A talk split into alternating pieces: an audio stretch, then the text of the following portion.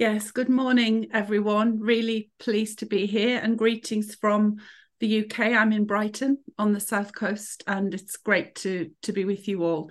Um, yeah, I'm Michelle. I'm the chief executive of Cruelty Free International. I'll talk a little bit in the presentation about Cruelty Free International, but about me, I've been an animal protection campaigner my whole life, and I've actually been leading efforts to end testing on animals since 1999 full time. Um, so lifelong kind of committed animal activist and vegan, and really just have feel it's a privilege to be able to lead an organization that that chimes so closely with my personal values. So I'll tell you a little bit about us, about the work that we do, about the campaign to drive animal testing out of cosmetics and how far we've come, and then um, what I hope will will happen next in terms of progress. So, as I said, good morning, everyone. Um, I'm the Chief Executive of Cruelty Free International.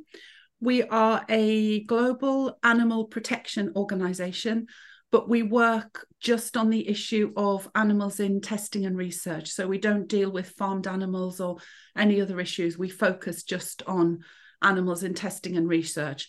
And we campaign in a variety of different ways. So, we do a lot of work with citizens and consumers and public campaigning and awareness raising.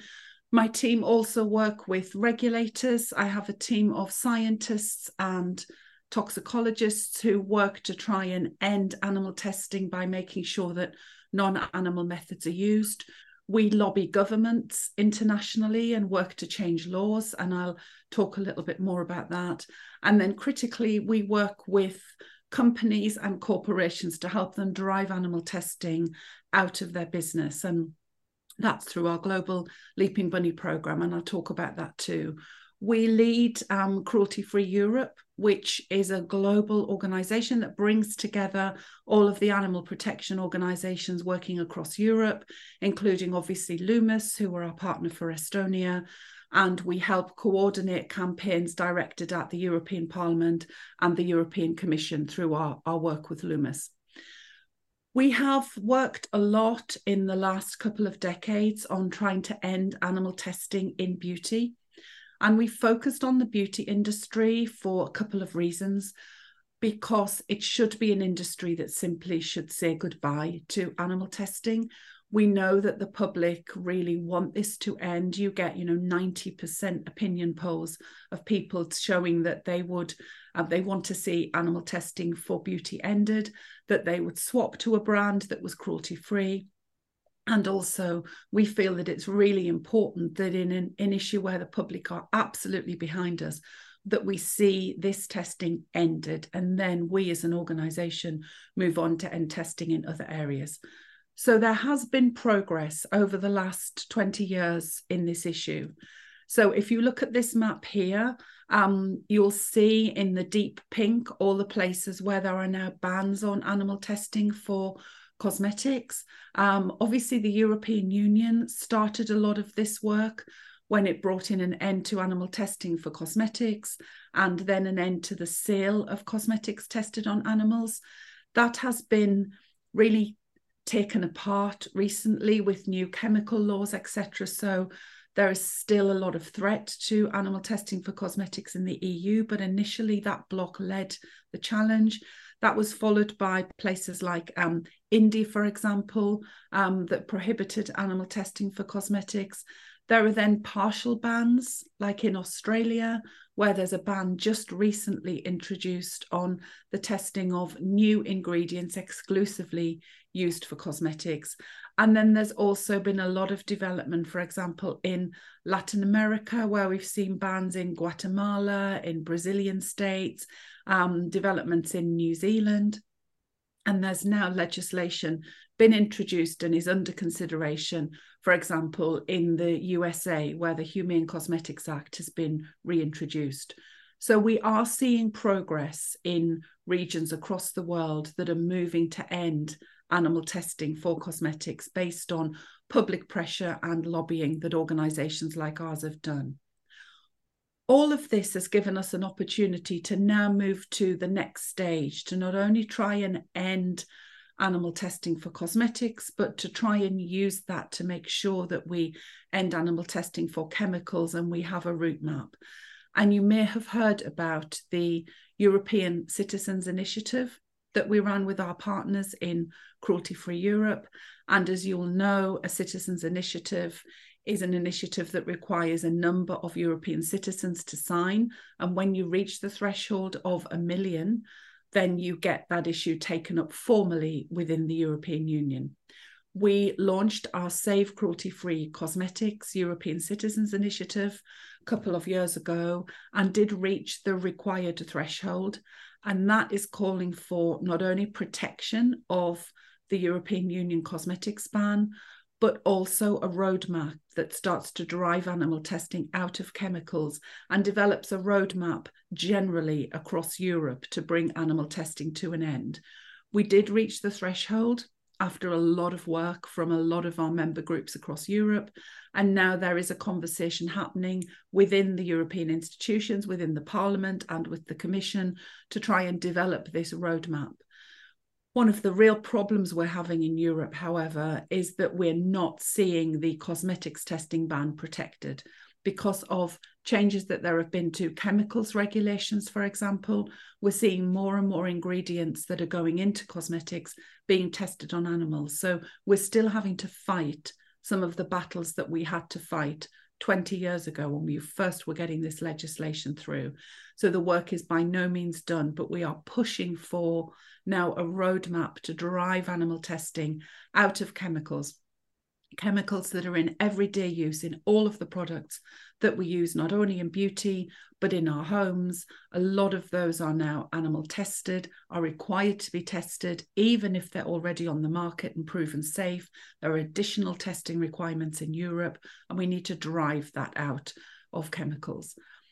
The reasons that we campaign to end animal testing are not just for me, the moral and ethical reasons. Essentially, this is a moral and ethical campaign. This is about ensuring that we do not cause cruelty to animals in tests that are invasive, that are painful, that will lead to the death of the animals.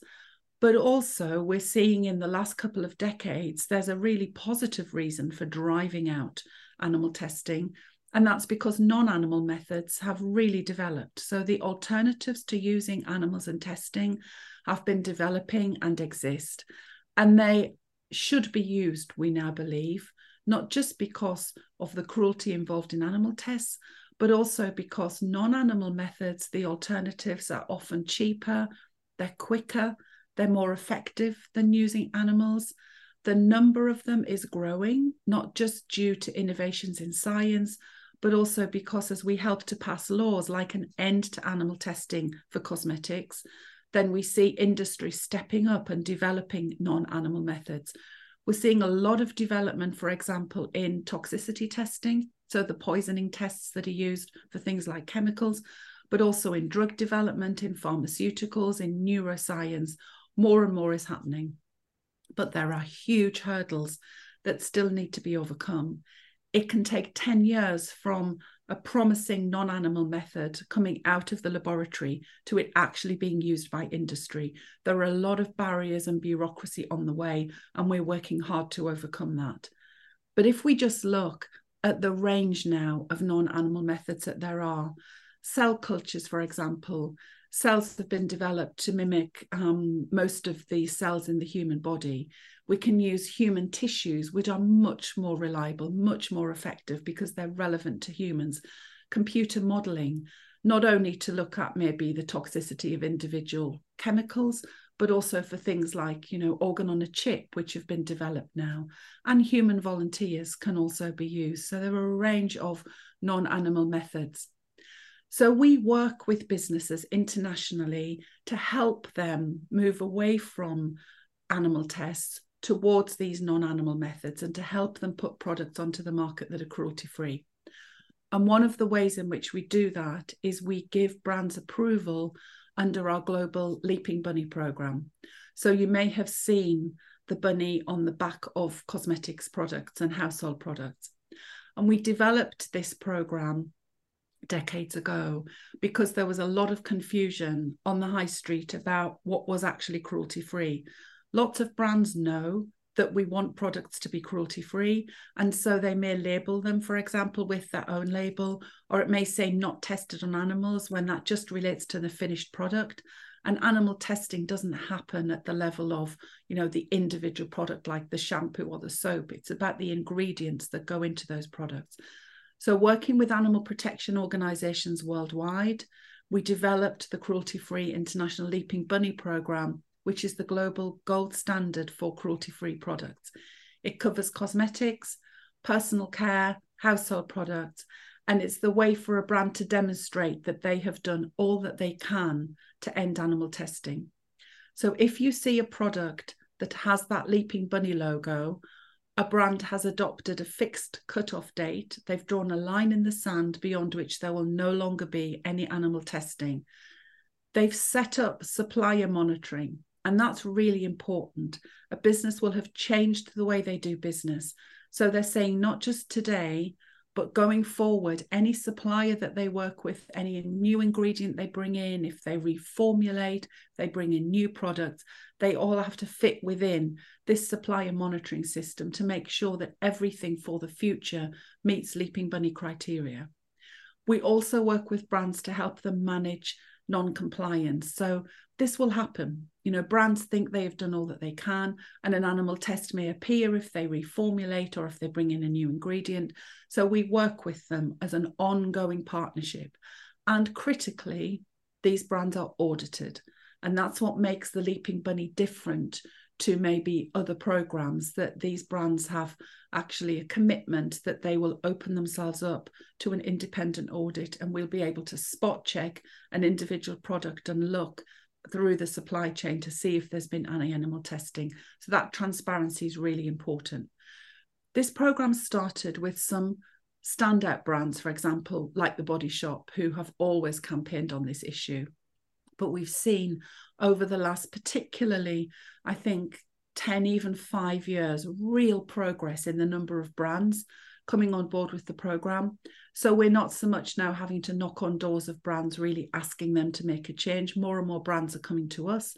If you look, for example, at some of these brands that you will recognize that sell in Estonia, they are all now Leaping Bunny approved cruelty free brands, and the number of brands is growing. We have over a thousand brands now that are approved as Leaping Bunny and have done all they can to end animal testing. So, building on all of this work, our work with businesses and with governments, we've decided that the time is now to take this issue internationally and to try and get a global ban, bring an end to animal testing in the beauty industry once and for all. So, in order to achieve that global end to cosmetics testing, we've been working at the level of the United Nations now, calling for a resolution that will bring an end to animal testing in beauty. We worked with the Body Shop, one of our partners, and we handed in a petition of over 8 million signatures to the United Nations. That's the second largest petition there has ever been, and it demonstrates the real strength of feeling amongst citizens to bring this practice to an end. We're trying to get animals included within the Sustainable Development Goals. You will have heard of the Sustainable Development Goals that are bringing forward an agenda for 2030 to kind of revolutionize business. We're trying to make sure that animals and animal testing are on that agenda. And we're working with governments of the United Nations now to promote cruelty free products and to help move progress towards achieving this Sustainable Development Goal 12, which is about consumption and production. We think there's a real hole at the UN that animals are not given the status and the positioning that they need, and we're working really hard to make a difference to that. So, from lobbying governments to working with industry to empowering citizens and creating you know awareness raising we do a lot of work with media change is coming but what we've learned is that it needs all of us all of the time to keep this issue on the agenda animal testing is very hidden. It's a secretive industry. It's not something that many people are even aware of. People think that animal testing for cosmetics is over, for example.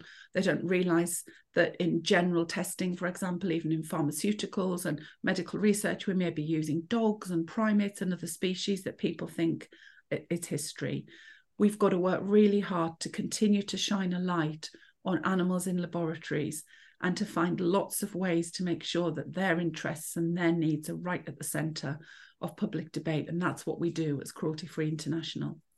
We're always happy to hear from people who would like to support our efforts and our campaigns. If you want to find out more about our work, there's our website. If you've got a particular brand, for example, that's a favourite of yours that isn't currently Leaping Bunny, write to them and ask them why not, put them in touch with us, and we will do all that we can to help them start on that cruelty free journey. Thank you. Uh, thank you, Michelle. And uh, thank you for so many questions. I have really a lot of questions here to ask uh, you. Um, so I will put my own questions right now in hold. Here is one. Does the Leaping Bunny also take into account the parent company Body Shop used to be owned by L'Oreal, which tests on animals. Yes. So um, we work with a whole individual brand, and we we had to deal with this question of parent companies when the Body Shop was actually taken over by L'Oreal. And that was the first time we had to confront this issue. So we took a decision to continue to give cruelty free approval to the Body Shop, who then moved out of L'Oreal, if you'll know, and they're now with Natura, the big um, natural products company that are also Leaping Bunny approved, but to indicate to consumers when a brand was owned by um, you know the dirty parent. So when a brand was owned by a company that um, did didn't have leaping bunny we indicate that so that customers and consumers can make their own choices what we found is that by working with individual companies within a larger multinational, we're able to start to drive change through that business, which is what's been really helpful. So, for example, we worked initially with the, the body shop. Now, by working in partnership with them, we've been able to shift the dial and now get Garnier, that absolutely enormous company, um, onto the Leaping Bunny program. So we're working on roadmaps with a lot of these big multinationals, but we indicate very clearly when a brand has a parent that is not approved. What we will not do, however, and this makes it different to maybe what people are used to with maybe a vegan claim, is we won't do it by product. So it has to be the whole of the brand. We think it's too confusing to say for this brand, you can buy their shampoo, but not their soap, or to say this is the green range within a brand. So we make sure that it's the whole brand. So if you see the label and you recognize the brand and that says Leaping Bunny, you know that everything under that brand name is Leaping Bunny. Thank you. Uh, that's really helpful. Another question Is it uh, non animal testing more expensive? No, actually, in the long term, it's cheaper. So there may be costs initially, for example, to um, change a business, change the way that they work, train staff in non animal methods, or maybe invest in technology initially. But if you think about the cost of housing animals, for example, some of the tests that can be months and even years long, some of these repeated dose tests, long term tests, then non animal methods in the long term are definitely cheaper. And critically, they're more effective because you're taking a test that's relevant to humans. Um, you know, I've heard it said very often, we're not 70 kilogram rats. We are a different species. You you'll even get a difference between, you know, one type of animal species or one strain and another. So so these are tests that are relevant to humans and in the long term, they're actually cheaper for us to invest in. Mm-hmm. Uh, despite 8 million signatures, the UN didn't make a decision that would rule out the use of animal testing. Why? How can they ignore the public opinion? Yeah, the things with the United Nations at that global level move very slowly. So what we have done now is is demonstrate public feeling There's no doubt that this is what the public want to see. Now we are in a process of converting that into action. So we are working with all of the countries that lead into the European Union, um, into the United Nations, to get them on board with the resolution. So I'm convinced this change will come. It's just a matter of time. You need to work to get, you know, all countries of the United Nations behind you. And also, we're trying to put animals onto the agenda in an institution that historically hasn't dealt with the concerns of animals. So, opening that conversation to say animals matter in sustainable development is a big ask, but I think we will we will get there. We've demonstrated that citizens care about this, and that really does make a difference. When I go into meetings with governments at the UN, they they recognise that eight million is is a huge number of citizens. So that change will come. Um, it might just take a while for all countries to get on board with the message. Mm-hmm. Um, how serious is the problem of sort of uh, fake no animal testing certificates initiated, for example, by the producers themselves in the cosmetic industry? Mm.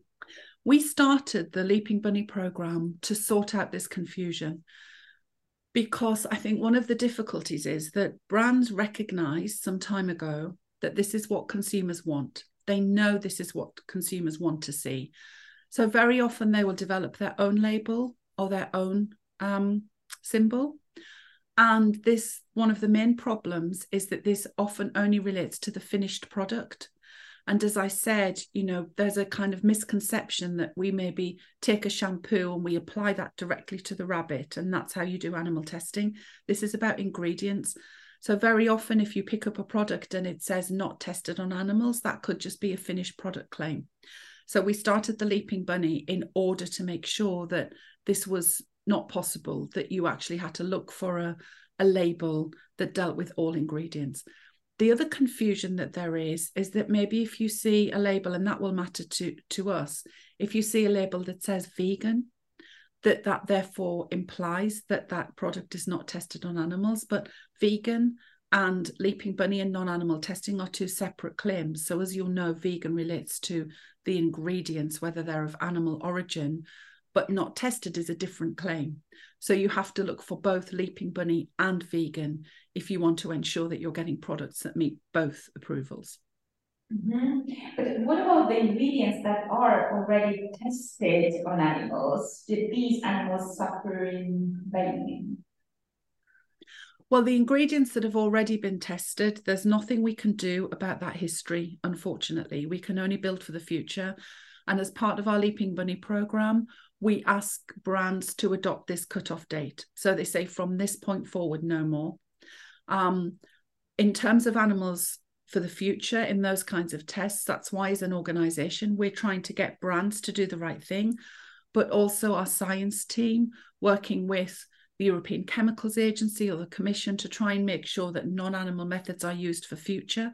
Because if we get a change in one regulation that currently requires animals, we're saving tens of thousands of animals in the future, animals who will never go into laboratories, who will never go into the system. So we work in a variety of ways. Yes, everything has at some point been tested on animals. So historically, even water, for example, had a lethal dose test run on it. So we know the testing has happened. Our job is to stop it from now so that brands do the right thing and then we change the laws and the regulations so that in future it's not the default that animal tests are used. Non-animal methods become the default. Mm-hmm. uh, here's one. Maybe there was something lost in translation, uh, translation but did you say that one of the alternatives is to use dead animals organs to test? Is this no. true? No no no no. No. So um computer modeling cell culture human volunteers and cell culture models that have been developed in the laboratory of human cells for example. So no. Good. We clear this up um, some more so leaping bunny does not mean it is cruelty free rather than the company has promised to end it in the future. This is the new question for the last uh, part, I think. Sorry, ask that again. Sorry. So is it so that leaping bunny does not mean it is cruelty free, uh, rather than company has promised to end it in the future? No, it means that the what a company has to do to get Leaping Bunny is they have to check all of their ingredients now to make sure that they meet Leaping Bunny criteria. So what we're saying is something may have been tested in the past years ago. That's nothing we can control now, but a brand has to today check all of their ingredients to make sure that what they're using now meets their cutoff date, so mm-hmm. that they are not using animal tested ingredients now that meet the Leaping Bunny criteria, and they won't in the future. Uh, here's one question about money. Uh, Leaping Bunny can be expensive for small brands that we have, for example, here in Estonia. What options do they have? Are there any alternatives? Yeah, it's not actually that expensive. It works on a on a sliding scale. So for a we ha- we work with brands from you know one person operations who were a very small startup right through to global multinationals. Obviously, it costs more for Garnier to become Leaping Bunny approved because they've got thousands of suppliers and thousands of ingredients. They have to dedicate staff and time to tracking down every one of those ingredients. But for a small startup, they may have just a very few um, suppliers. So it's a simpler and easier process for them. And our fees are actually tiered from, you know, being actually really very small for those brands who are new or startup. And we always say, talk to us. You know, we don't turn um, brands away, small brands who are startup brands because of cost. This is this is going to be a, you know, tens of dollars of um, tens of euros. It's not going to be thousands as it would be for maybe a, a, larger brand that has to commit a lot of staff to tracking all of their ingredients. Mm-hmm. Thank you. Uh, on one of the slides, you mentioned that alternative methods of testing are often cheaper and faster. What are the main reasons companies still prefer using animals? Mm, that's a great question because you would think if they're cheaper and more effective, everyone would just switch to them. I think there are a couple of things holding us back. I think history and tradition, and a lot of people who are working in science have always used animals. They're used to using animals. They maybe developed their career on animal models, and so that's what they're familiar with, and it's very hard for them to think about switching. You need that whole mind shift that's happening with newer generations of scientists. But also, the problem is actually no longer often with companies themselves, it's with regulators who are used to seeing animal data. We used to be campaigning against companies more. You know, the, the feeling was here we were as animal protection advocates fighting against companies to get them to change. And actually, now I find very often we're on the same side as companies demanding change from regulators. So, regulators who are used to ticking a box that says animal tests historically are used to seeing, you know, rat data, mouse data, rabbit data. That's what they're comfortable with. And so, to get them to switch to non animal methods takes more time. So, I think it's the sluggishness and slowness of the system and the problems, particularly with regulators who are used to seeing animal data and that's what they expect. The problem's less these days with actual companies that don't want to be doing these tests. They're expensive, they're unpopular, ethically they don't fit with their goals around sustainable development, but we'll get things like the REACH program, for example, that is demanding more animal tests from businesses, even who don't want to do them. Mm-hmm. And here, uh, one question a little bit on that topic also. How can we reduce the bureaucracy around non-animal methods? Who keeps pushing for this type of bureaucracy? Mm. A lot of the work that we do is in trying to get non-animal methods onto uh, into industry use faster. So that requires a number of things. It requires a change in mindset of regulators. It also requires maybe more data sharing. We pushed a lot for data sharing agreements so that animal tests don't have to be duplicated worldwide. Um, and it requires an, a willingness to think about using these non animal methods. So, you know, our team don't spend their time developing non animal methods in laboratories. A lot of them are already there. They spend their time getting regulators open to adopting them. And it just, some of the processes within getting a, an animal test from the bench into industry use are very slow. So we're pushing for an accelerated timeframe for that. And also for this roadmap that we've talked about.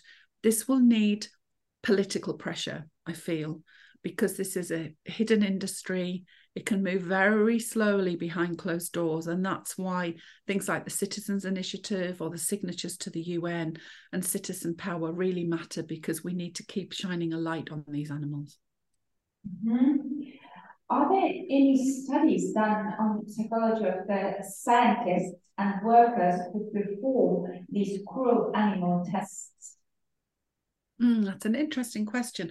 I'm not aware of any specifically, um, but I, I struggle with this because we are constantly shown images of people who work in laboratories. If you look at um, maybe some of the university websites or some of the websites of you know contract testing laboratories for example where they'll do a lot of these toxicity tests on animals they'll talk about their animal care They'll talk about how much they love animals.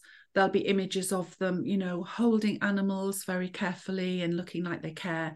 These are the very same companies that then will go on to poison and, and kill those animals. So for me, there's this phrase, I don't know if you cognitive dissonance, where you can hold two thoughts in your head at the same time.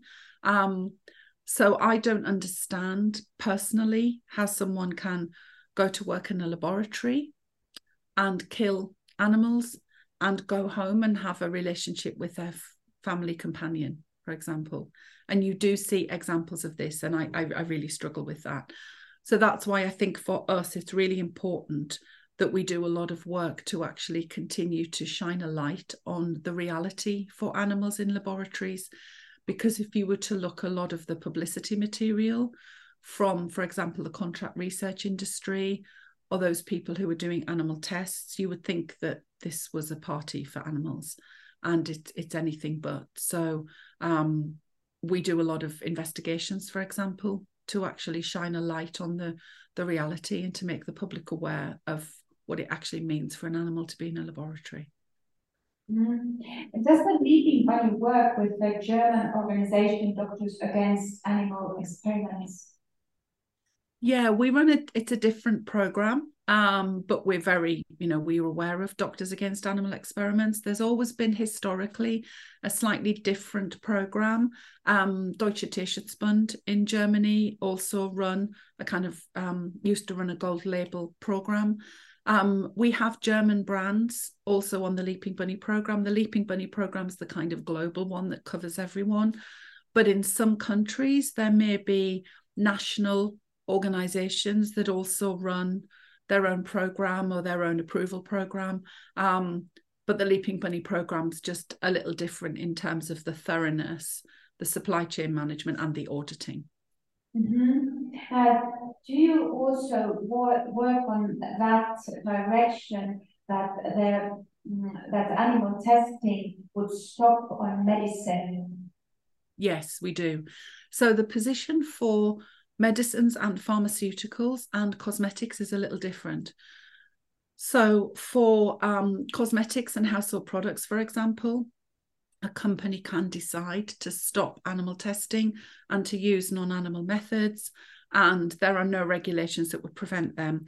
Pharmaceuticals are different in that they have to go through animal testing before they hit the market, and that's a requirement by a regulator, as we were talking about. And usually that requirement is that a rodent and a non-rodent species, so that can be a, a dog or a primate, for example, has to be used before a pharmaceutical can hit the market. So our work there is to change those regulations so that we get a change in the requirement on companies to use animals for pharmaceuticals. So we're developing roadmaps to move animals out of um, medicines, for example. We have a team that works on that. There's a lot of global cooperation between animal protection groups on pharmaceuticals to try and get those regulations changed. And we've done a lot of science work, for example, to show that you certainly don't need to use animals in that situation, particularly this, this second species, where you know you would use maybe a rat and then a dog as a second species, and that dog's adding no value to the to the data. So these are really horrific tests. They have to be tackled at the level of the regulator and to try and make sure that we drive that requirement to use animals out of the regulations because that's forcing companies to do those tests right now. Mm-hmm. Um, and now, considering that the animal-free methods are more innovative, more accurate, and cheaper, why is there still so much lobbying for animal testing? Because, as I said before, I think we're dealing with a, a system, history, and tradition, and that's taking a long time to change. And if you think that efforts against vivisection, for example, have been going on since the 1800s, we've seen more change in the last 20 years than we have had in the, the period running up to that. So I feel hopeful about the future. But I think for some some people are committed to animal testing. They believe in it. There are scientists working today who believe that animal testing and the animal model is better there are others working who don't believe that it's necessarily better, but they can't see that there's a non animal method. There are others who want to change but are prevented to do so by regulators. So we're we're working at all different levels of, of that system. But this is going to take a kind of that big paradigm shift for people who have always worked with animals, effectively to say this may not be the best way. And that's hard I think, for some individuals to make that switch. Mm-hmm. Yeah, I kind of understand. Yeah, but another question why is this taboo to use the ingredients that are already tested? They are not doing any testing uh, with these ingredients anymore. Or maybe you even say that it's not taboo. Just a question like that. Sorry, ask that one again. Uh, is this taboo to use the ingredients that are already tested? Ah, okay. Well, since everything has been, so even water, it's it's impossible for a company to say nothing in this product has ever been tested ever because animal testing is so has been so prevalent it's been the way that everything's been tested so there will have been animal testing in the past that we can't affect.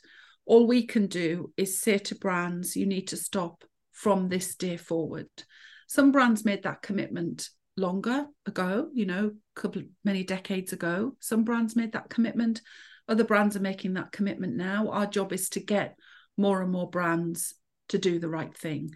We can't change what's happened in the past and a lot of really common ingredients in beauty products may at some point in their history have had an animal test.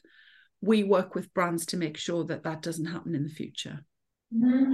and this cut-off date um, is it uh, like when is that date? Is it fixed or when is it something what happens when uh, this company wants to join?